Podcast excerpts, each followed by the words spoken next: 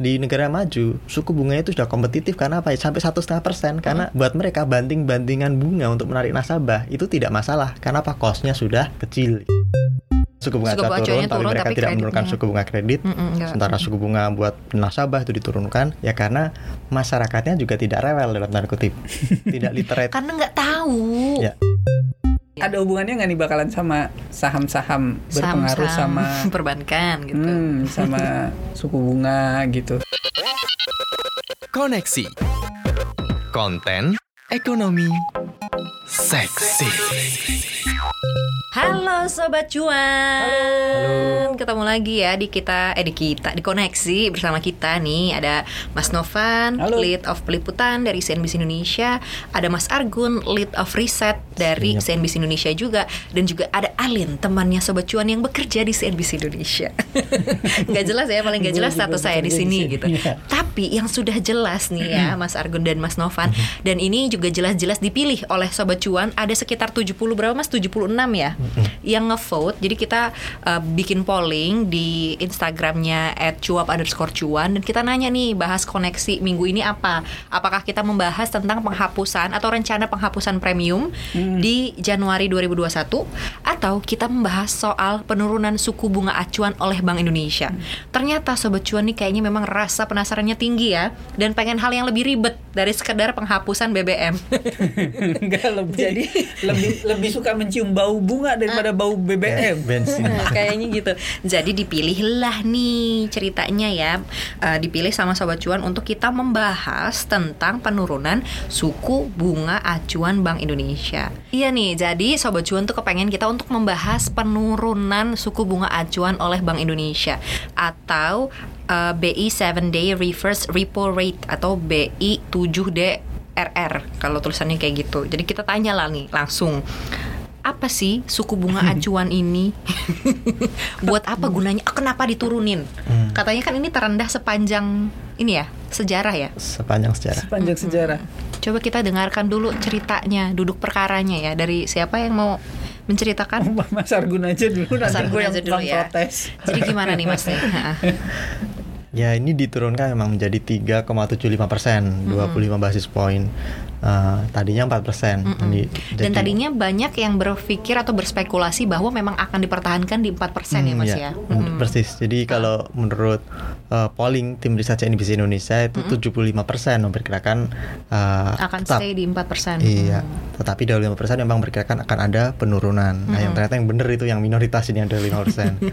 Eh, kenapa ada dua pilihan? Kenapa nggak kompak bertahan aja atau semuanya memperkirakan penurunan? Karena memang sekarang kondisinya agak mendua ini. Hmm. Jadi kalau kita bicara soal ekonomi kan kita tahu semua ekonomi lagi resesi gitu kan. Mm-mm. Dan ketika ekonomi resesi ya butuh stimulus. Mm-mm.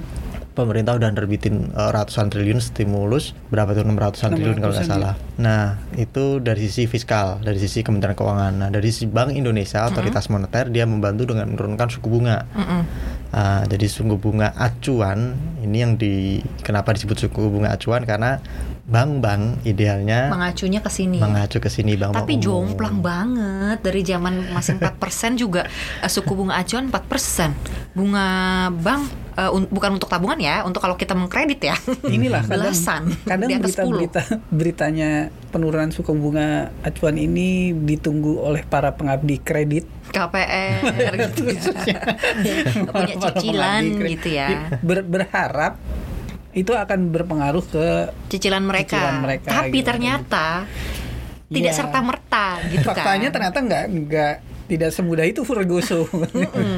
itu gimana sih mas gitu maksudnya kan karena ya harapannya kan besar bahwa ketika diturunkan tapi yang ada malah ini ya su- apa bunga deposito bunga tabungan malah Itu itu, yang jadinya yang turun. turun Ya. Yang turun duluan itu. Hmm, itu itu aja nurut ya kalau giliran bunga kewajibannya jadi bank kos nurut jadi turun kan Mas? Iya. Jadi buat, buat nasabah ya ketika penurunan kayak gini biasanya emang bunga tabungan turun. Jadi yang kita dapatkan lebih kecil dari bank. Mm-mm. Tapi bunga kreditnya nggak turun-turun. Biasanya kayak gitu. Tapi keluhan ini tuh justru eh, diantisipasi Bank Indonesia dengan menerbitkan BI 7 Day Reverse Repo Rate ini. Mm-mm. Sebelumnya kalau eh, Alin dan Mas Novan ingat kan kita dulu ada BI Iya. rate. Terakhir tuh levelnya 6,5% BI rate tinggi. Nah, itu pada tahun 2016. Nah, itu eh, fasilitas bunga gitu yang diberikan oleh Bank Indonesia buat bank-bank umum yang ingin nyimpan dana berlebih mereka ke BI.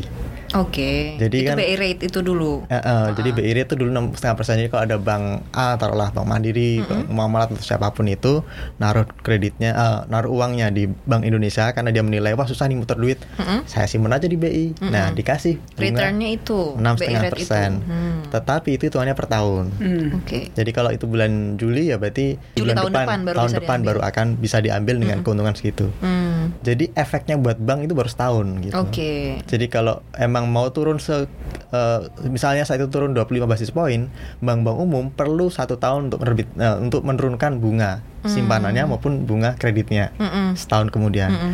Nah, BI 7 day reverse repo rate ini lebih cepat cuman 7 Hari. Dan kelipatannya bisa 7 hari, bisa 14 hari, bisa 21 hari. Harapannya kalau misalnya suku bunga dipangkas sekarang, ya 7 hari kemudian harapannya itu bisa ngefek gitu. Hmm.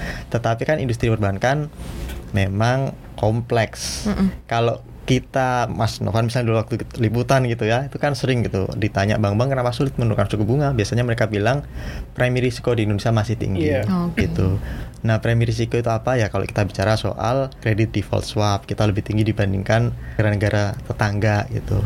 Terus kita bicara soal risiko berbisnis, kemudian high cost ekonomi. Mm-mm. Nah, itu dimasukkan sama mereka semua. Jadi kalau misalnya mereka memberikan pembiayaan pada pelaku usaha kita, Hmm. itu risikonya itu dinilai lebih tinggi dibandingkan kalau ngasih eh, dibandingkan bank-bank tetang- negara tetangga misalnya Malaysia. Oke. Kalau ner- ngasih pembiayaan ke Warga Malaysia, Malaysia. gitu. Karena apa? Di sana kepastian usahanya lebih jelas misalnya atau ya izin usahanya juga lebih cepat dan sebagainya Pengu- pengurusan ekspor impor lebih cepat. Di Indonesia dinilai lebih High risk gitu high ya. risk makanya That's mereka tidak why, ha-ha. tidak dengan apa namanya dengan serta merta atau sukarela menurunkan suku bunga secepatnya Hmm. ketika buku su- suku bunga acuan diturunkan Hmm. itu yang terjadi di Indonesia. Hmm. tahun 2020 ini ya sampai per November ini udah empat kali Mm-mm. eh, disesuaikan gitu ya si BI 7 days rate ini. Tujuan dan harapannya BI itu apa sih? Intinya BI itu pingin mendorong perekonomian tadi Hmm. kan karena resesi. Ketika resesi orang-orang tuh nggak berani ber Spending gitu. spending, nggak Mm-mm. berani eh, apa eh, muter usaha, duitnya, investasi dan sebagainya. Mereka lebih memilih nabung gitu. Mm-mm. Jadi kalau bank-bank kalau bankir gitu, mereka ngasih eh, tawaran ke para pelaku usaha, lu mau nggak ini dapat kredit? Ya mereka mikir-mikir ntar dulu gitu. Hmm. Sementara bank ini kan tiap bulan harus bayar bunga ke eh, nasabahnya, nasabah. Mm-mm. tabungan, deposito itu kan Mm-mm. tiap bulan harus dibayar dikasih bunga. Nah kalau dia nggak bisa muter kredit ya berat gitu kan. Ya makanya eh, dengan diturunkan ini harapannya bank-bank bisa punya alasan, punya basis untuk menurunkan suku bunga kreditnya juga. Mm-mm. Sehingga Eh, banyak juga sehingga- orang yang kredit kan. Iya pelaku usaha juga ini kreditnya diskon loh bunganya cuman ya sekian persen dibandingkan kemarin gitu karena suku bunga acuan udah turun masih nggak berani nih gitu Mm-mm. murah ini kayak gitu kan Mm-mm. harapannya dengan kondisi itu pelaku usaha lebih berminat untuk ya meminjam ke bank Mm-mm. gitu di sisi lain orang-orang yang suka nabung itu diharapkan nggak betah di bank gitu Oh sebenarnya memang itu tujuannya. diputar untuk hal yang lain yang lebih Iya. produktif karena daripada nabung hanya dapat sekian persen gitu kan Mm-mm. karena dapat sekian persen lebih baik kalau misalnya bisa diinvestasikan ke cuan yang lain misalnya Oke. tujuannya memang supaya Supaya jangan nabung di uang bank. yang beredar itu Mm-mm. bisa menggerakkan ekonomi ekonomi Oh. apalagi di kondisi sekarang ini kan harusnya iya Oh gitu. Jadi memang sistemnya itu dibuat supaya kita memang hitung-hitung lagi ya. Gila nih, apa bunga bank makin turun ngapain gue investasi Iya. di tabungan gitu. Eh nabung deh bukan investasi. ngapain gue nyimpen duit di bank cuma tabungan gitu kan. Lebih baik ke produk keuangan yang lain gitu jadinya. Hmm, atau buat bisnis start Bisnis. bisnis yang memang Hmm. menggerakkan sektor real gitu. Tapi ya orang Indonesia aja tuh tidak sadar gitu. Kalau banyak nih kan suka ngobrol nih gue sama teman-teman gitu ya kayak "Eh, iya gue sih nabung aja, gue nggak investasi gitu. Banyak juga yang belum sadar bahwa bunga tabungan itu tidak bisa menutup kadang-kadang ya seringnya gitu ya, tidak bisa menutup biaya administrasi tiap bulan. gitu sobat cuan. Jadi sobat cuan tolong dihitung-hitung lagi ya. Misalnya punya tabungan nih, Hmm. ya kan di bank gitu. Dilihat tuh bener-bener bulan ini gue dapat berapa sih returnnya gitu lah ya atau bunganya, Bunganya. gitu. Terus udah gitu dilihat lagi tuh administrasi, biaya kartu, terus biaya banyak. Nggak satu nutup. lagi Mm, inflasi. Oh iya ada inflasi juga. Masukkan inflasi sekitar 1,5 persen gitu. Hmm, Nah, gitu. itulah nilai uang Anda yang hilang di tabungan. di tabungan. Bank. Bank. Hmm, Jadi kalau memang ditambah ternyata kok minus gitu dibandingkan dengan bunga yang didapatkan, ya itu sinyal seharusnya eh, nggak ada lagi tradisi menabung pada kondisi sekarang. Tapi ya ini problem kenapa Mm-mm. bank-bank di Indonesia itu bisa lebih leluasa untuk ngotot gitu ya. Hmm. Suku bunga Suku bunga turun, acuannya tapi turun, mereka tapi tidak menurunkan suku bunga kredit. Enggak. Sementara suku bunga buat nasabah itu diturunkan, ya karena masyarakatnya juga tidak rewel dalam tanda kutip, tidak literate. Karena nggak tahu. Ya.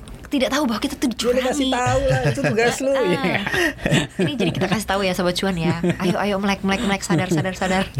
terus terus. bukan dicurangi bukan Iya apa tapi kayak kita dirugikan gitu loh. Kalau menurutku ya nggak sih? iya, iya. Semua semua tuh dibebankannya ke kita gitu sebagai end karena user. karena inilah gue nggak tahu bener apa nggak sama Mas Argun. Hmm. Makanya bank-bank asing di Indonesia tuh beroperasi di Indonesia tuh seneng sebenarnya. seneng karena banget. mereka nggak perlu mikirin how gimana gue muterin duit nasabah tanpa harus ini gitu kan. Jadi jadi tanpa harus bikin- apa tuh maksudnya tanpa harus tanpa harus susah-susah gitu loh Oh. bikin produk yang macem-macem untuk untuk jagain Menarik. duit gitu kan Mm-hmm. ya kalau misalnya dia nggak nabung duit lo habis gitu aja Karena Kan mindset seperti itu, ya sudah tertanam mungkin ya di masyarakat kita bahwa nabung gitu. Mindsetnya adalah nabung bukannya investasi yang membuat uang kita bertumbuh gitu. sekarang sederhana aja kalau di Indonesia juga ngambil duit kita sendiri aja kadang Ada biayanya. Nah, Transfer padahal itu duit kita biayanya. juga ya. Iya. Masa Kenapa biaya sih? layanannya tinggi memang. Ah, ah. Biaya layanannya itu masih sangat ya sangat tinggi mungkin karena juga mereka harus berpikir bahwa bikin infrastrukturnya gitu kan. Jadi episode ini kayak episode komplain perbankan. Enggak ya. Banyak eh, bank-bank yang bagus Tapi juga kok. kalau terkait dengan kondisi sekarang nih, apa namanya penurunan suku bunga. Tadi kan disebut juga memang tujuannya salah satunya kan untuk gerakin ekonomi. Tapi the problemnya sementara sebenarnya adalah ekonominya itu tidak bergerak karena memang kondisinya yang bukan karena ketidakadaan likuiditas kan. Karena memang pandemi gini gitu ya. orang- Permintaannya kemudian nggak ada, Ya. artinya eh, aktivitas ekonominya itu yang teredam dan mereka meredam aktivitas ini bukan karena ketidakadaan duit duit gitu, tapi karena memang kondisi yang karena banyak keterbatasan kayak iya gerak dan segala macam akhirnya permintaannya turun. gitu. Nah kalau misalnya kita belum diyakinkan bahwa ini udah aman nih untuk beraktivitas ekonomi beraktivitas lagi gitu mungkin juga serendah apa pun bunganya juga mungkin orang juga akan ber- tetap waspada dan tetap khawatir dengan kondisi kayak gini artinya belum ada kepastian iya Mm-mm, mm-mm. mau berusaha dibakar gelontorin uang gitu kan Mm. itu kan khawatirnya mungkin itu juga yang membuat perbankan juga nggak nggak terlalu pengen nurunin bunga karena risiko ketidakpastian Hmm. itu tadi kan ya Iya, iya, pastinya itu. Jadi risiko tinggi maka mereka akan berusaha menjaga agar profitabilitas mereka tidak tergerus Hmm. banyak gitu. Karena apa? Dari sisi kredit kan ada tekanan. Mm-mm. Jadi permintaan kredit turun, maksudnya orang-orang yang mau ngajuin kredit ke bank itu juga nggak banyak. Mm-mm. KPR lah untuk yang konsumtif atau yang produktif kayak kredit investasi Mm-mm. itu orang-orang masih berat gitu karena kondisi seperti sekarang. Di sisi lain, nah ini anomalinya juga eh, dana pihak ketiga itu kan meningkat 12% per September. Jadi eh, artinya apa? Orang-orang malah lebih pilih nabung padahal suku bunga diturunkan gitu Mm-mm, kan. mm-mm. Jadi kalau kita bicara setahun terakhir aja kan suku bunga itu udah turun 2% dari 6% menjadi 4% ke per Agustus ini karena saya ngambil data OJK terakhir Agustus ya. Mm-mm. Jadi itu 4%, sebelumnya 6% pada Agustus tahun lalu.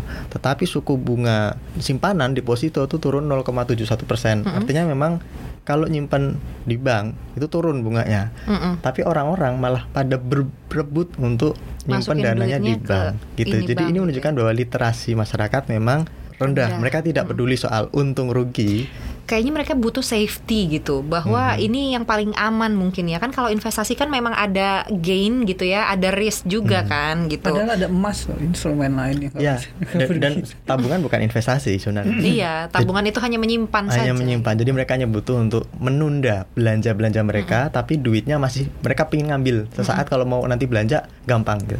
Kalau deposito kan nggak bisa diambil sewaktu-waktu, makanya mereka milih ke tabungan gitu misalnya. Mm-mm. Jadi nanti kalau misalnya ada apa-apa ada bisa apa-apa butuh diambil. duit langsung bisa ditarik gitu, nggak di deposito. Mm-mm. Ya mungkin itu yang terjadi di kalangan masyarakat kita. Jadi Iya, DPK-nya ketidakpastian tumbuh itu kan. gitu. Tapi bagi, perbankan itu eh, tekanan lagi. Di Karena dia nggak bisa bukannya Bukan makin duitnya. banyak uang ya Iya. Memang uang tabungan enggak aku tuh jadi bingung gini nih memang kalau uang tabungan itu kan kita titipin di bank juga sebenarnya kan bisa juga nggak sih sama bank diputer Ya tapi kalau diputar kondisinya lagi gini, nggak ada yang mau Ya. nerima kredit. Ke siapa? Mau dapat duit dari mana? oh gitu Mm-mm. Hmm. Arti bank eh, banknya juga sebenarnya banyak yang mau nerima kredit cuma belum tentu dengan Kredit dengan tanpa resiko. angsuran kali. kredit KTA. kredit tanpa angsuran banyak.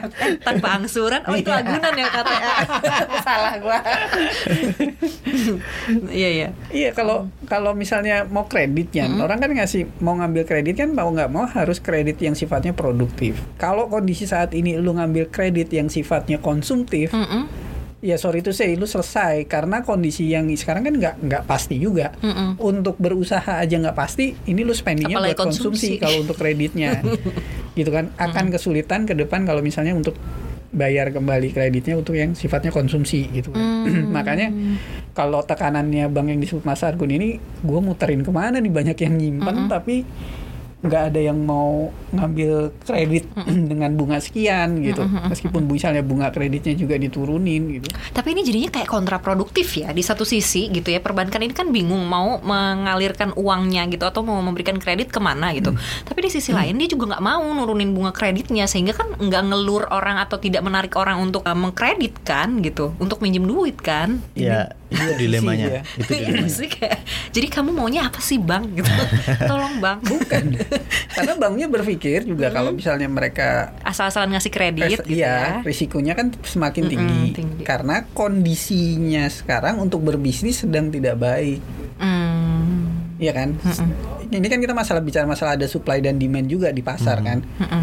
Artinya kalau misalnya gua perusahaan food and beverage, gue mau minta kredit. Sementara kondisinya lagi gini, orang nggak nongkrong, orang nggak nggak ini, nggak belum nggak banyak beli ini, paling paling take away dan Iya orang mereka hanya restoran-restoran aja katanya juga mau tutup massal ya Nah. tahun 2021 awal Artinya kan gue sebagai bank juga mikir lah, lu industrinya lagi begini, lagi lesu banget gitu ya. gimana gue mau kasih berani gue kasih pinjaman gitu kan. butuh duit, Man- ah. makanya man- mana yang duluan berani nih sebenarnya pengusahanya yang berani yakin bahwa kondisi ke depan akan Lebih baik. lebih baik Ha-ha. atau perbankannya yang lebih optimis bahwa oh ini udah ada kabar vaksin nih Hmm. satu tahun ke depan mungkin ya harusnya sudah pulih sih artinya kalau misalnya gua kasih kredit segala macam Hmm. mungkin seperti itu atau sebaiknya gue sebagai pengambil kredit pengusaha Hmm. yang mau ngambil kredit oh ya setahun besok pulih jadi gue udah pulih duluan sehingga ketika marketnya pick up gue udah bisa take off duluan gitu kan artinya curi start untuk take off duluan Hmm. tergantung mana yang berani dulu sih kalau menurut gue ya Mm-mm.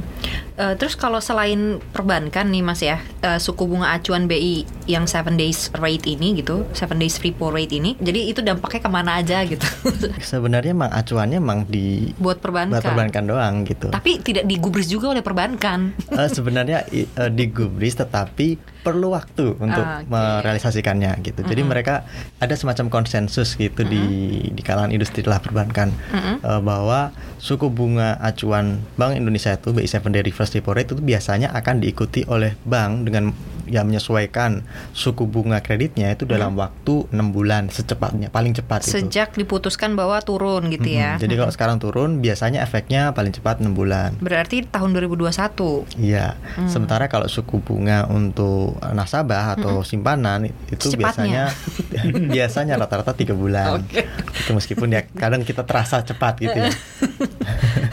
Tapi kalau ngelihat tren di di SPI Statistik Perbankan Indonesia per Agustus tadi itu memang ya rata-rata sama-sama turun sih. Jadi kalau kita bicara soal bunga deposito misalnya per Agustus kemarin tuh di level 6,37 persen.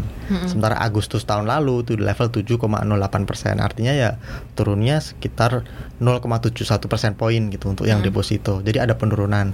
Tetapi di sisi lain suku bunga kredit bank umum kalau kita ngomongin konsumtif, kalau datanya OJK ini turun juga 11,55 tahun Agustus tahun lalu menjadi 11,13 Agustus kemarin.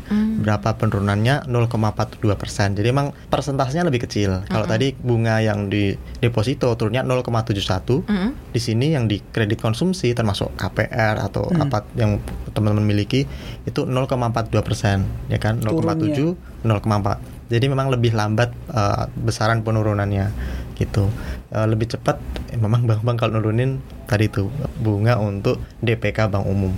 Jadi ya Untuk nasabahnya nasabah gitu ya. It- i- itu aja sih yang sebenarnya ini apa kalau kita bicara soal efeknya ke coba cuan apa ya di situ. Nah, apakah kita tidak bisa menghukum atau membalas perbankan dalam hal ini? Mm-mm. Sebenarnya bisa. Gimana caranya kita Lu tutup semangat ini? banget kayaknya. Enggak, enggak, maksud gue gini, karena gini loh. eh, Ada ini masalah apa lu sistem. dengan bank? ini sudah sistem gitu ya, maksud gue gitu kan. Ya apa yang bisa kita lakukan gitu karena gitu gue aja nurut ketika gue disuruh bayar 6.500 untuk transfer antar bank gitu. Bahkan ada loh bank yang sa- satu nama nih ya, satunya cuma syariah, satunya enggak, itu pakai gitu. Padahal itu Satu bank, grup. Iya gitu. Satu grup. Terus saya jadi aduh gimana gitu, gimana Mas? Jadi emosi nih sebenarnya. Karena nggak gini. Jadi pengalaman gue kan pernah tinggal di benua lain gitu ya, di di Inggris lah gitu. Di Inggris itu kalau kita punya satu kartu ATM, itu kita bisa narik dari ATM bank mana pun, nggak kena charge. Kita bisa transfer ke bank mana pun selama masih di Inggris ya. Itu juga nggak kena charge apa-apa gitu. Jadi gue mikir bisa loh, ternyata tuh bisa gitu. Kenapa kita enggak gitu? Kenapa kita tuh semua biayanya tuh dibebankan ke kita sebagai customer gitu? Karena kan katanya operasionalnya memang mahal gitu kan. That's why ketika transfer antar bank ada 6.500. Ada lagi biaya kartu lah, ada biaya ini itu ini itu gitu. Ya, habis aja uang saya gitu. Untuk bayar gaji CEO-nya. ya enggak. saya emosi. ya gimana? Nah, itu berarti kita bicara soal efisiensi industri gitu. Hmm. Jadi kalau kita bicara industri perbankan di Singapura Emang hukumnya dulu deh. Nah, itu dulu aja. Oh, gimana yang dulu nih? backgroundnya dulu aja untuk Oh, kita oke. hukumnya gitu. di Singapura itu misalnya orang bikin ATM di mana-mana kan udah udah aman itu nggak perlu pembebasan lahan dan sebagainya gitu. Hmm. Setelah di Indonesia kalau kita bicara industri perbankan kan nggak boleh hanya melayani kota-kota besar doang kan harus masuk ke seluruh Indonesia terutama bank BUMN dalam tanda kutip dipaksa oleh pemerintah atau negara untuk Harus punya ekspansi ATM. karena dia dia itu harus melayani seluruh warga negara Indonesia. Jadi kalau di bank-bank negara maju itu mereka sudah bukan lagi tahap ekspansi. Mereka sudah settle gitu, udah nggak perlu lagi pembebasan lahan untuk buka kantor cabang dan sebagainya. Hmm. Sementara di Indonesia belum. Kita masih Iya. di tahap yang masih berkembang. Mereka udah mature, kita belum. Di situlah penyebabnya kita costnya mungkin lebih mahal dibandingkan di bank-bank negara maju. Nah, indikatornya gampang aja sih dari NIM, net interest margin itu perbandingan antara eh, bunga yang didapatin bank dari nasabah, dari tabungan deposito dan lain-lain dibandingkan dengan bunga yang yang eh, bunga yang diberikan ke nasabah tadi dan Rata-rata berapa NIM kita NIM-nya 4 persen. Masih 4 persen ya? 4,4 persen. Nah di Singapura itu 1,5 persen gitu. Oh oke, jadi perbandingannya bunga yang diberikan ke nasabah dengan apa? Eh, bunga yang di- dibayarkan ke nasabah, Ah, ah, ah. bunga tabungan, bunga deposito, dibandingkan dengan bunga yang dia dapatkan dari Kredit. Kredit. kredit ketika ngasih ke nasabah maupun ke peng- peng- pelaku usaha. Hmm. Kasarannya dia dapat ngambil cuan. Cuannya, dari selisihnya besar? berapa? Kredit tuh selisihnya segitu sekian. Ya, kalau di kita- bank eh, negara-negara maju itu lebih tinggi. Lebih, Lebih kecil. kecil. Lebih lebih kecil berarti. Ya, karena mereka tidak butuh cuan terlalu gede untuk menutupi kos Modal. yang besar. Oke, karena kita masih ekspansi sehingga kita masih butuh duit gitu ya perbankan kita gitu Iya. ya. Untuk modal ekspansi mereka ke wilayah-wilayah Wilayah-wilayah. yang dijangkau. gitu. Dan bicara risiko tadi itu. Hmm. Makanya kan ada bank swasta yang lebih misalnya gede gitu dengan berani bunganya lebih kompetitif gitu kan. Karena mereka tidak dalam tanda kutip tidak diwajibkan. Artinya ketika mereka bilang wilayah itu memang bisa kita sasar ya itu bagian dari bisnis. Kalau BUMN BUMN kita Itu kan itu wajib. kan wajib gitu kan ya. Jadi Makanya kak kreditnya ya kalau bank BUMN-nya wuh luar biasa itu. Di atas 10% semua rata-rata. sakit hati saya kalau bicarain. Korban ya korban. Pelaku pelaku apa korban ya rata-rata ini suku bunga kredit bank umum tuh 11,13 persen per Agustus. Jadi kalau masih ya di bawah itulah beruntunglah anda. Mm-mm, gitu. Ada kok bank yang di bawah itu Ada yang bank di swasta. atas. yang di atas banyak. Banyak. Nggak mau turun kalau udah di atas. Sekarang cara eh, cara, cara kita membah- menghukum membalas atau gitu. menghukum dalam tanda kutip itu gimana? Ya gunakan kebebasan yang anda miliki selaku konsumen. Kebebasan apa yaitu memilih itu dulu. Jadi kalau misalnya tadi Ali udah sebutin kita nabung itu sebenarnya nggak untung. Nah itu sudah. Sekarang coba sobat cuan hitung semua di tabungan sobat cuan itu kira-kira untung atau rugi. Kalau nabung di situ artinya dikurangi biaya administrasi, biaya bulanan, kemudian biaya apa tuh misalnya inflasi tadi itu di total inflasi. apakah nilai uang Anda menurun atau bertambah gitu. Kalau menurun, sekarang coba cari di bank lain. Ada nggak yang Berarti lebih harus bagus? lebih jeli sebenarnya. Harus lebih jeli. Jadi harus literate dalam hal keuangan ini. Harus harus nge- milih-milih produknya jelas. Mm-mm. Kalau emang ada bank lain yang menawarkan lebih, pindahin aja. gitu. Betul. Tapi sekarang kan kita jarang, aduh males, aduh itu ini ini. Jangan malas untuk uang Anda gitu. Iya. itu contohnya untuk tabungan. Nah untuk kredit sekarang itu juga Pindahin banyak juga. bank yang menawarkan ta- tawaran seperti itu. Jadi kalau anda punya KPR di satu bank A, bank lain itu dia bisa membajak dalam tanda kutip, sudahlah pindahkan aja KPR-nya ke tempat saya gitu. Tuh, Mas Nova. Dengan Gua tawaran. Gue bayarin penaltinya gitu kan Iya. ya, bank yang baru ini ya. Ya, Bang. nah ada ada 70 bank dan saya pikir kalau mereka memang sedang berusaha mengincar basis nasabah yang lebih besar lagi, kredit yang lebih besar lagi apalagi di tengah kondisi seperti sekarang, ya tidak ada salahnya untuk sekarang mulai dicoba dicari. Bank-bank ada nggak yang menawarkan itu gitu. Mm-mm. saya yakin eh, saya pernah eh, ada bank swasta yang memang memberikan layanan itu dan itu sudah sudah diambil teman saya sendiri gitu. Saya saya belum kebetulan. Hmm. Tapi teman saya ada yang ngambil itu dan menurut dia lebih ringan, lebih fair gitu. Apa pembayaran cicilannya. Hmm.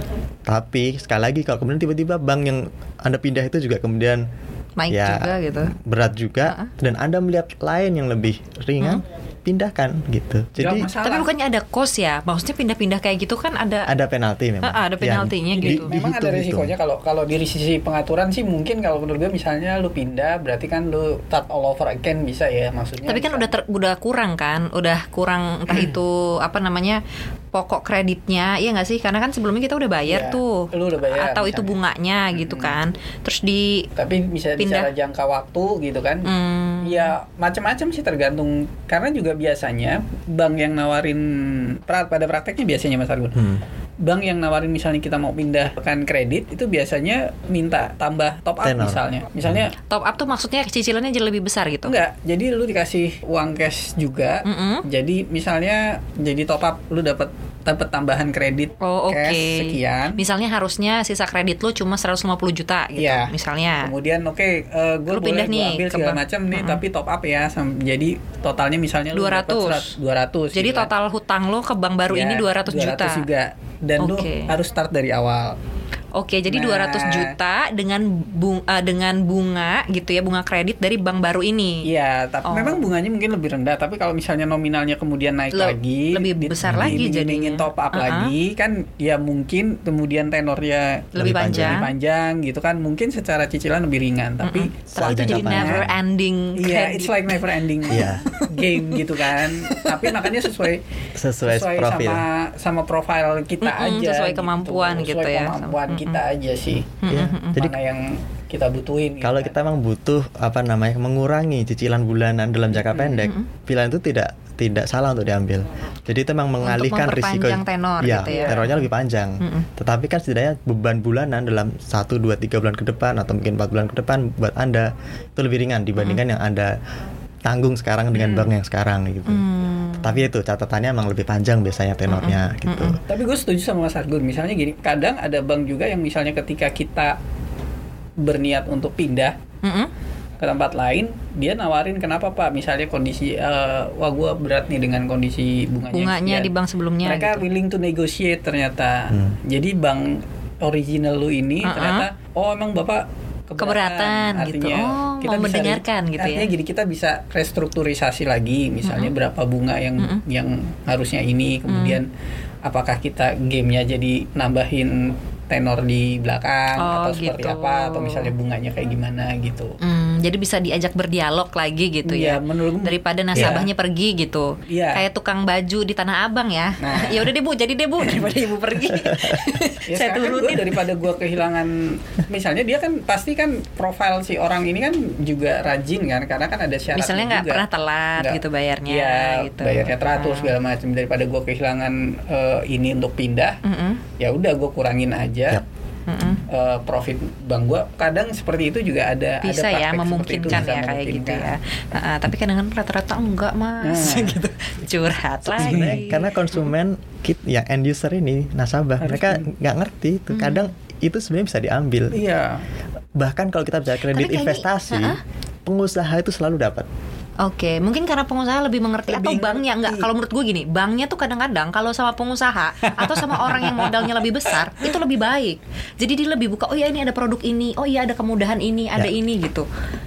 Iya nggak sih? Iya, jadi kalau misalnya mereka lagi kesulitan untuk bayar kredit investasi, kredit modal kerja misalnya di perusahaan mereka, Mm-mm. ya mereka akan ngomong Minta, ke bank dan mm-mm. kemudian bank akan memberikan ya apa fasilitas untuk bernegosiasi. gitu, mm-mm. Kan- Minimal ada haircut 1 2 3 bulan ke depan. Yang penting dia nggak kabur karena dia Iya. tahu ini nasabah. Gede nih duitnya. Gede. daripada mereka kehilangan itu jadi NPL kan Mhm. jadi loan yang Hmm, apa namanya kredit macet. kredit macet ya lebih baik kita restrukturisasi aja karena kan Hmm. bank juga ada resiko maksudnya dari ada perhitungannya Mm-mm. ya oh gue masih masih untung kok dengan ngurangin taruhlah ngasih apa namanya libur Bayar bunganya. bunga atau segala macam sekian maksudnya gue juga masih masih untung kok daripada Hmm. ini jadi kredit macet gitu Hmm, Ya kan kredit macet lebih memukul industri per- eh, perbankan gitu. Jadi kalau ada kredit macet dia harus menyisikan pencadangan gitu. Jadi laba bersih yang dia Mhm. dapatkan dari dari debitor-debitor yang lain yang bagus-bagus itu harus disimpan, nggak boleh diambil, nggak boleh dicatatkan sebagai laba bersih. Harus dicadangkan untuk NPL dari debitor yang eh, lagi bermasalah ini gitu. Maka mereka biasanya menghindari banget NPL. Jadi kalau teman-teman juga kes- kesulitan bayar kredit, cicilan kredit dan sebagainya di tengah kondisi pandemi seperti sekarang terutama, Iya. ya ketemu ke bank dan ngobrol. iya Ada opsi kah ka- untuk restrukturisasi? Kalau enggak, ya misalnya ada opsi lain yang lebih bagus di bank lain, Hmm. ya tidak ada salahnya untuk diambil gitu. Justru- Kalau kalau beberapa orang yang sempat ngobrol sama gue sih juga misalnya menemukan kesulitan membayar gitu, mengajukan eh, libur pembayaran karena terdampak Mm-mm. pandemi ini. Ini ternyata beberapa bank juga punya program itu restrukturisasi terhadap orang-orang yang memang kena dampaknya. Kayaknya kalau pas pandemi ini memang hampir semua ya. Ya, dan juga kan ada beberapa juga yang memang sudah diwajibkan juga sama pemerintah ya, artinya ada aturannya gitu kan. Mm-mm. Apalagi bank-bank BUMN gitu misalnya kan. Mm-mm. Nah, strategi terakhir misalnya nggak bisa ini ya mungkin bisa diakalin atau bisa diajuin lah. Intinya sebenarnya bicara aja sama pihak bank perbankannya gitu kan. Jangan Mm-mm. kadang ini kita juga sebagai konsumen itu terlalu takut gitu ya seolah-olah Apatis. Iya, seolah-olah ini bank ini jadi sebuah institusi yang wah kalau gua nggak ini sebenarnya bisa bisa mereka punya pintu untuk Mm-mm. punya Ya. proses untuk membicarakan kalau kita misalnya masalah kredit kredit tadi kan. Mm-mm. Ya, Mm-mm. ya memang mungkin a- kayak kekhawatiran Alila itu kan kalau pelaku usaha memang biasanya dikasih jalur khusus tapi kita kan re- re- ikan remah-remah ini kan. remora ini masa dikasih kesempatan ya itu poinnya justru karena konsumen di Indonesia ini konsumen industri keuangan itu tidak literate Mm-mm. tidak mau menggunakan haknya dengan dengan agresif ya inilah yang terjadi industri perbankan yang cenderung Semena-mena. cenderung semena-mena dalam tanda kutip gitu ya. nah kalau kita ini. mau menghukum ya kita semua konsumen di seluruh Indonesia konsumen perbankan harus mengerti bahwa opsi ini terbuka dan memang kalau memang uh, satu bank dinilai kurang menguntungkan bagi nasabah bisa pindah ke bank lain gitu. Dan ini akan menimbulkan semacam uh, apa ya etos di kalangan perbankan bahwa kita udah nggak bisa lihat kayak dulu gitu. Sekarang kita harus memberikan pelayanan nggak cuma pelayanan prima, tetapi nggak cuma tawan produk yang menarik, tetapi juga gimana bikin mereka stay gitu dengan bunga yang kompetitif gitu. Mm. Nah di negara maju suku bunganya itu sudah kompetitif karena apa ya sampai satu setengah persen karena buat mereka banting bantingan bunga untuk menarik nasabah itu tidak masalah karena apa costnya sudah kecil gitu. Mm-mm. Jadi mereka ya gue banting bunga segini masih untung lah gue gitu di negara maju. Dan di negara kita emang ya tadi masih ada masih ada Masih butuh ekspansi, butuh ekspansi gitu ya. dan Banyak sebagainya. operasionalnya tinggi gitu ya Mas ya. Iya. Mm-mm. Eh, tapi ya dengan rata-rata apa bopo perbankan yang sekarang 84,9 persen per Agustus. Bopo tuh apa sih? Bopo itu rasio Kan. Efisiensi. itu Merek Boplo. ya. Anda mau minta disponsori. Jadi Bopo. rasio biaya operasi terhadap pendapatan operasi di kita itu 85% ya idealnya sih lebih kecil dari situ. Tapi kalau di bawah 100% tuh udah udah bagus. Di bawah 90% tuh udah bagus gitu. Jadi bank-bank kita tuh sebenarnya kalau ngomongin operasinya sudah cukup efisien gitu. Jadi mungkin ya kondisinya sudah efisien sekarang saatnya konsumen mempush Anda sudah efisien. Anda harusnya mulai mengejar seperti industri perbankan di negara maju. Ya NIM jangan tinggi-tinggi lah gitu. 4% anggap aja sekarang 3% masih untung ya dua diturunkan. Iyalah. ya biar nasabah juga terbantu. Gitu. itu beda lagi kata bang. Itu ada lagi gitu. Iya. tapi memang ya ngomongin tentang literasi produk keuangan gitu. Ini mau cerita sedikit sharing. Jadi eh, gue tuh dulu sampai gini sampai sehitung hitungannya gue nih ya sobat cuan ya Eh, memang anaknya perhitungan banget dari dulu gitu. Gue tuh sampai nyari karena setelah gue hitung-hitung gitu dengan gaji gue dulu awal-awal kerja gitu ya biaya administrasi perbankan itu malah menggerus uang gue yang ada di dalam tabungan gitu. Karena bunganya nggak seberapa gitu. Yang gue dapat per bulan misalnya ya per bulan gue cuma dapat bunga 5.000 gitu. Biaya administrasi 15.000 berarti setiap bulan uang saya berkurang 10.000 tuh hitung-hitungan eh, gue dulu kayak gitu tuh sobat cuan. Akhirnya gue cari nih apa nih produk keuangan gitu di bank mana yang ada. Ada beberapa bank memang yang eh, punya produk tabungan. Ini kita ngomongin tabungan dulu ya. Yang bebas biaya administrasi gitu kan. Nah, tapi ini juga sekalian informasi nih buat sobat cuan mungkin yang mau Iya, nyari tabungan, bebas. tabungan yang bebas administrasi dan ini adalah produk pemerintah sebenarnya. Tapi tidak semua bank tuh mau gitu announce bahwa mereka punya ini. Namanya adalah produk tabunganku. Jadi ini tuh ada di setiap bank deh. Bank swasta nasional, bank BUMN itu ada gitu. Itu produknya pemerintah. Gue taunya produk ini dari ada salah satu bank swasta terbesar ya yang eh, sahamnya paling gede harganya. itu dari situ bikin si tabunganku ini. Jadi misalnya banknya namanya Bank Argun gitu. Berarti Bank Argun tabunganku Mhm. gitu. Terus Bank Novan, Bank Novan tabunganku. Jadi si produk tabunganku ini ada gitu. Tapi tidak semua bank mau membuka. Jadi saya udah punya nih. Menawarkan. ya. Menawarkan. Saya abis itu saya mikir, oh mau bikin lagi deh di Bank BUMN. Saya tanya, saya mau dong yang ini Bank BUMN itu bilang nggak ada. Ada mbak. Ini produk apa? Ini adalah proyeknya negara. Aku bilang gitu kan. Ini programnya negara. Coba deh mbak tanya lagi gitu. Hmm. "Eh, nggak ada mbak. Kita adanya tabungan ini, ini, ini, ini, ini. Jadi produknya dia sendiri yang diinin. Terus aku sampai akhirnya aku kasih Itu yang Bank Indonesia itu bukan ya? Iya, jadi itu salah satu mandatory-nya bank Hmm. bank-bank di Indonesia gitu. Jadi nanti lo akan dapat ATM sama buku tabungannya itu beda Hmm. batik gitu ininya. Coba deh ke lo ke bank lo ya, sobat cuan, lo tanya Ya.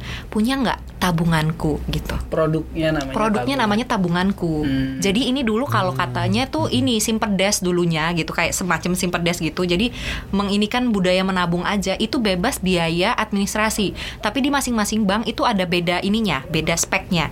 Jadi ada yang nggak bisa transfer. Ada yang cuma bisa tarik tunai atau eh, bisa tarik tunai atau bisa transfer atau bisa ngecek Biasanya yang gini-gini. saldo sekali gitu. Biasanya yang gini-gini dipersulit ini. Rulesnya banyak memang, memang rulesnya banyak. Ada yang sebulan nggak boleh ngambil lebih dari 500 ribu. Hmm. Ada yang kalau mau ngambil di atas satu juta harus ke teller. Hmm. Kayak gitu-gitu sih, memang lebih lebih sulit gitu. Cuma ada produk ini dan itu ditutup tutupin di perbankan di beberapa bank gitu. Gitu sobat cuan ya. Jadi Gak ini sekalian secara terbuka. itu dia. Padahal ini adalah program pemerintah. gitu Tapi kan. setelah Alin tadi bilang Kenapa? ada gitu, apakah bank BUMN tadi kemudian Eh, sebentar ya saya tanya dulu kata mbaknya gitu terus akhirnya gue tunjukin nih kartunya di bank swasta ini aja gue udah punya gue bilang gitu kan dan ini ada di semua bank gue bilang nggak mungkin nggak ada gue bilang gitu terus oh iya mbak ada ternyata gitu. How come lu customer service gitu lu nggak tahu gitu service apa yang lu punya produk apa yang lu punya? Gitu sih. Ya itulah cerita saya sobat cuan. Jadi bener-bener ya lu kalau ternyata ada ya? Ah, ternyata ada gitu. Bahkan mungkin Mas Argun dan Mas Novan nggak tahu kan kalau ada si tabunganku ini. Gue udah pernah denger ini. Maksudnya udah pernah dengar bahwa produk ini ada, tapi memang nggak nggak masif diinformasikan. Bahkan kalau misalnya memang pemerintah pun harusnya ini program pemerintah, ya pemerintah juga harusnya wajib untuk mempromosikan ini kan. Kalau menurut gua ya. Mm-mm. kayak gitu sobat cuan jadi hal-hal kayak gini sih gitu kan ada juga ya selain si tabunganku itu adalah dibilang udah discontinue waktu itu gue mau ganti kartu. Jadi si kartu tabunganku ini kayak dia lebih jangka waktunya lebih sedi- sebentar daripada yang uh, kartu biasa. Kayak kalau kartu kartu ATM biasa kan bisa lima tahun. Kalau ini dia dua tahun sekali harus ganti. Hmm. gitu. Terus dia bilang udah discontinue. Terus gue bilang kayaknya saya nggak pernah baca beritanya discontinue deh. Terus uang saya yang di tabunganku gimana? Terus ya udah deh mbaknya berkilah berkilah ini itu ini itu. Gitu deh pokoknya. Tapi nggak hilang kan uangnya. Enggak, Wah, masih ada. Dan alhamdulillahnya di bank BUMN ini dia di aplikasinya tuh masuk ternyata data tabunganku itu gitu. Jadi ada tiga tuh jadinya tabunganku, tabungan biasa sama ada yang tabungan sekuritasnya jadi satu gitu. Oh, iya, iya, iya. Gitu sobat cuan. Curhat ya. Tapi lepas dari ini Mas Agun, ada pertanyaan. Ini kan suku bunga diturunkan. Pemerintah juga udah gelontorin stimulus. Mm-mm. Kemudian ya dengan harapannya kan apa namanya Bank Indonesia pun katanya juga ngasih likuid bantuan likuiditas terhadap perbankan lumayan besar gitu kan. Pertanyaannya adalah apa nggak takut inflasi nanti? Kemudian banyaknya gelontoran uang meskipun gua nggak tahu ya yang kemudian beredar atau dengan demand dan yang masih sepi ini apakah dampaknya ya akan kayak inflasinya tiba-tiba pick up? Yang diharapkan tuh malah terjadi inflasi. Inflasi gitu. inflasinya pick up. Iya sekarang kan inf- inflasinya 1,5 persenan lah ya. Hmm. Nah kalau kondisi krisis gitu justru negara-negara itu berlomba-lomba untuk mencapai inflasi jangan sampai deflasi. Hmm. Karena kalau ada inflasi itu berarti indikator bahwa masyarakat Konsumsinya bagus. konsumsi, belanja, Mm-mm. perputaran uang beredar meningkat gitu. Itulah yang diharapkan dengan penurunan suku bunga, uang beredarnya itu meningkat. Tapi kalau misalnya ini nanti terlalu berlanjut dalam jangka menengah Hmm. dan itu tidak dikontrol lagi, ya memang nanti kita akan melihat inflasi yang mulai nggak bagus buat pertumbuhan ekonomi Hmm. gitu. Indikatornya apa? Jadi kalau angka inflasinya sudah me- hampir menyamai atau melebihi pertumbuhan ekonomi. Hmm. Jadi kalau kita nggak bicara deflasi, kalau deflasi iya. ini sekarang udah nggak berlaku lah ya. Tapi kalau nanti tiba-tiba ekonomi tumbuh, taruhlah kita 5%, inflasinya tiba-tiba jadi 6%, 7%, nah itulah saatnya otoritas moneter mulai jaga-jaga, ngerem. Jadi emang di ekonomi ya fungsinya B itu ya kayak ngerem dan ngegas aja gitu. Uang beredarnya kebanyakan nih, aduh disedot-sedot. Dengan cara apa? Naikin suku bunga. Jadi nanti mungkin ketika ada dinilai ini saatnya pick up gitu biasanya enam bulan sebelum perkiraan itu jadi misalnya sekarang BI sudah bikin kalkulasi anggap aja taruhlah dia memperkirakan ekonomi sudah mulai pulih pada tahun 2021 bulan Juni misalnya pertengahan tahun maka dia Januari biasanya sudah mengambil kebijakan moneter Mau naikin Hmm. gitu ya entah menahan atau mungkin menaikkan gitu karena dia sudah memperkirakan nanti enam bulan ke depan ini uang beredar akan banyak Hmm. Hmm. Nah, it, seninya bank sentral di situ. Jadi kalau ada penghargaan bank sentral terbaik, yaitu yang bisa memperkirakan dengan tepat kapan pertumbuhan ekonomi direm atau digenjot, kayak gitu. Hmm. Nah, sampai sekarang di Indonesia kita kebetulan emang inflasinya masih terkendali sih. Jadi memang belum ada khawatiran akan ada yo, inflasi yang berlebihan gitu. Dan suku bunga kita kan meskipun udah rendah 3,75 persen, terendah sepanjang sejarah, kita belum sampai pada level seperti negara maju, di mana suku bunga rendah itu udah nggak cukup.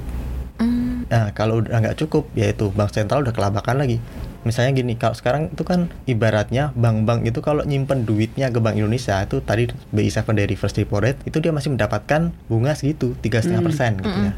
Nah di bank di negara maju kayak Amerika itu kan udah 0 sampai 0,25 persen suku bunga acuannya. malah Jadi nggak dapet gitu. Kalau nyimpen dana di eh, bank sentral, ya artinya nggak dapat apa-apa bank-bank umum di sana. Makanya mereka harus dipaksa untuk meter dananya di entah di pasar, entar di sektoril. Kalau sektorilnya masih nggak bisa bergerak, ya di pasar modal kayak gitu.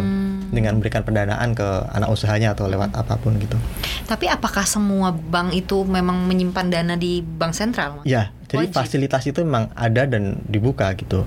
Sel- selain gini, kalau di bank-bank itu kan eh, mereka nyimpan dana nasabah. Mm-mm. Tapi kalau dana yang mereka berlebih, mereka nyimpannya di mana? Ada dua. Ada itu ya ke Bank Indonesia Mm-mm. atau di obligasi pemerintah. Nyimpannya di situ dalam tanda kutip ya. Hmm. Jadi dibeliin obligasi.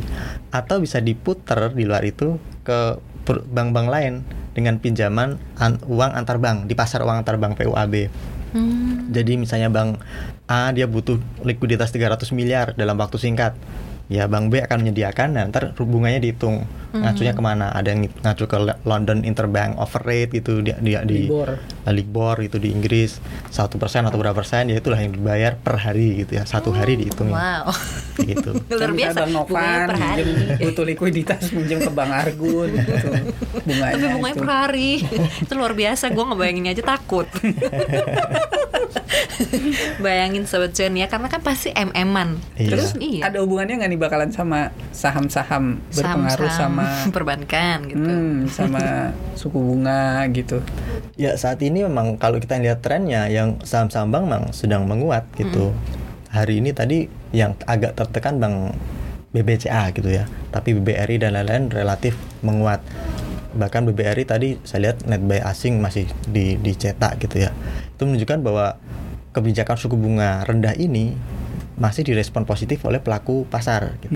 Karena ke- mereka memperkirakan kalau suku bunga rendah memang mungkin NIM perbankan agak tertekan. Tetapi meskipun NIM tertekan kalau jumlah kredit yang dikucurkan bisa lebih banyak. Makin lebih banyak. ya ya itu kan berarti nggak apa-apa impas gitu. Offsetnya off apa offsetnya ada di situ gitu. Eh, ya makanya mereka membeli saham-saham perbankan. Di sisi lain saham-saham sektor properti konstruksi, konstruksi itu meningkat drastis dalam 2-3 hari terakhir ini. Itu mengindikasikan bahwa eh, ya para investor di pasar modal itu memperkirakan bahwa penurunan suku bunga ini akan memicu kenaikan atau pemulihan lah minimal Mm-mm. sektor properti Iya. kreditnya KPR gitu Bunga Karena- KPR turun gitu, jadi banyak orang yang ya udah deh beli rumah sekarang gitu. iya KPR baru ya. KPR lama sabar ya. Gitu. yang KPR lama sabar ya. Sabar. Berdoa dulu. Nah, makanya beli aja yang baru lagi. makin banyak dong utangnya kak, makin numpuk. Ya karena ka- emang kalau melihat survei eh, harga presidensial gitu ya di Bank Indonesia itu mereka menemukan bahwa yang membuat masyarakat enggan untuk atau berpikir ulang ketika bicara soal KPR baru itu emang pertama DP, kedua cicilan gitu. Hmm. Nah, kalau ngomong soal DP itu Bank Indonesia kan sudah bikin aturan DP di Diturunin ya. diturunkan gitu LTV kebijakan LTV yang dipelonggar. Nah itu udah diselesaikan lah, itu udah diatasi persoalannya. Ya tinggal ini KPR yang bunganya dinilai masih memberatkan. Harapannya kalau ini udah mulai turun, orang mulai ya bank-bank mulai agak berani. KPR-nya di- yang baru di- ditawarkan ke nasabah lebih ringan lagi. Dan ya dengan banyaknya KPR ya harapannya kredit akan membaik properti. Makanya saham-saham properti naik eh, belakangan hari ini. Hmm, gitu. Nah ini sebelum kita closing ya di penghujung obrolan koneksi tentang penurunan suku bunga ini gitu ya, Mas Argun dan Mas Novan, apa sih berarti langkah bijak yang bisa kita lakukan gitu sebagai nasabah gitu? Apakah jadinya ya udah nggak usah nabung di bank, ditabung aja di rumah terus diinvestasiin Tabung di rumah. sisanya gitu? Atau cari itu tadi tabungan yang kalau misalnya mau nabung cari tabungan yang bebas biaya atau gimana Mas? Bebas bebas biaya belum tentu bebas ribet ya. Iya ribet. Tadi kan gue udah cerita tuh ribetnya apa, ada yang apa, ada yang apa gitu. Ya kalau menurut saya, menurut saya nih, Mm-mm. kondisi pandemi sudah kelihatannya akan berkurang. Vaksin udah mulai pengembangannya udah ada titik terang. Mm-mm. Jadi ada perkiraan bahwa tahun depan, awal tahun depan tuh vaksin sudah beredar. Mm-mm. Dan kalau itu sudah terjadi, ya skenario paling optimistis adalah pada kuartal 1 terakhir gitu ya, mungkin bulan Maret itu kita akan melihat ekonomi akan pulih kembali. gitu. Amin. Artinya tidak lagi ada kontraksi. Pertumbuhan ekonomi mungkin sudah ada terlihat di situ ada pertumbuhan. Nggak minus lagi. Nah, sekarang Anda yang punya dana di bank apakah dana itu adalah dana darurat? Kalau dana darurat ya udah simpan aja di situ. Kalau menurut Anda masih menguntungkan. Tapi kalau Anda tahu ada bank lain yang lebih menguntungkan, pindahin aja. Serius ini. Kenapa? Karena itu hak Anda gitu. Ya memang tabungan tuh yang dicari bukan keuntungan, tetapi kalau Anda ingin menghukum perbankan rame-rame gitu agar mereka bisa lebih efisien, lebih kompetitif, ya memang ini caranya gitu. Itu lakukan. Atau kalau emang dana Anda itu bukan dana yang akan dibutuhkan dalam waktu singkat, artinya dana yang idle gitu yang mungkin ah itu buat 10 tahun tahun ke depan. Hmm. Justru sekarang saatnya masuk ke saham. Mm.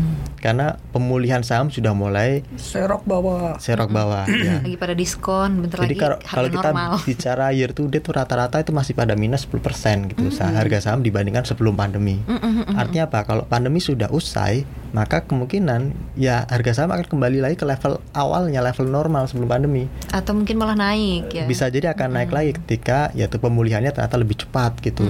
Eh, perputaran uang nanti akan lebih lebih cepat lagi di sektor real. Hmm. Nah, itu sebelum itu terjadi biasanya saham sudah naik sekarang ini. Nah, sekarang saatnya masuk ke saham menurut saya. Sahamnya apa ya? Silahkan Anda pertimbangkan dengan dalil-dalil teknikal atau fundamental yang Anda miliki. Tapi secara umum kalau mau merem aja saham-saham blue chip itu dibandingkan posisi sebelum pandemi itu sudah pada koreksi. Masih Makanya ya.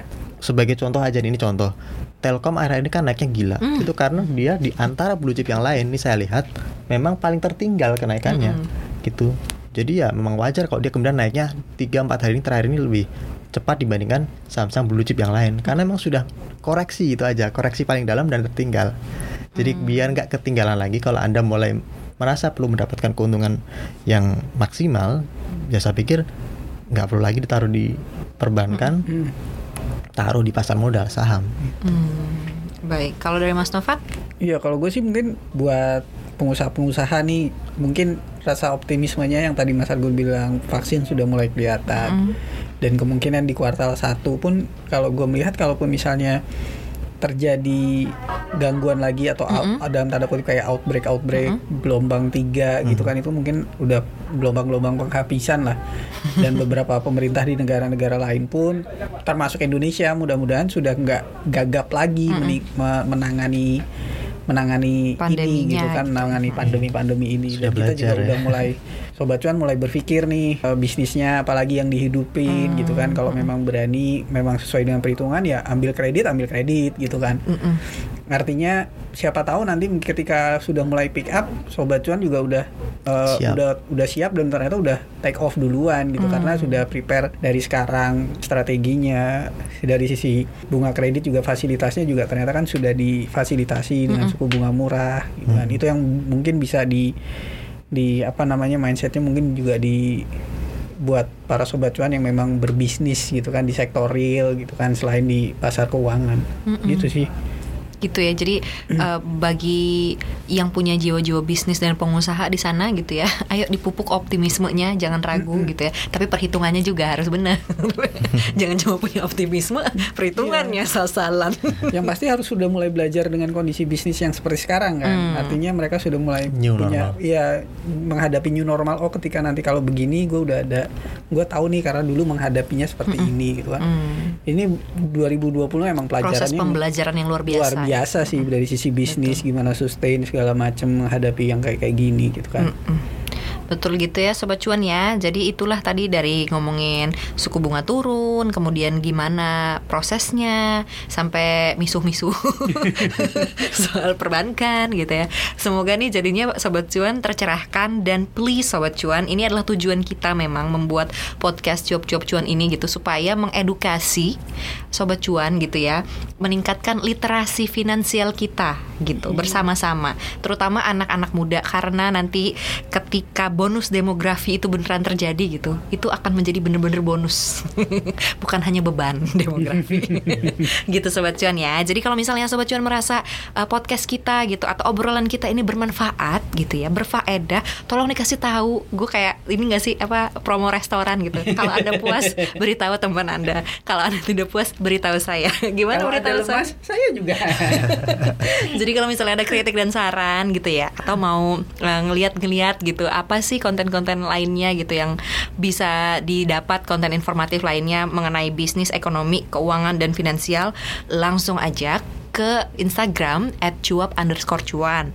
Atau bisa juga ke Instagram at CNBC Indonesia atau ke www.cnbcindonesia.com gitu deh sobat cuan pokoknya. Semoga kita memberikan informasi yang baik karena kita inginnya adalah eh, menginspirasi mengedukasi dan apalagi tagline. Cuan.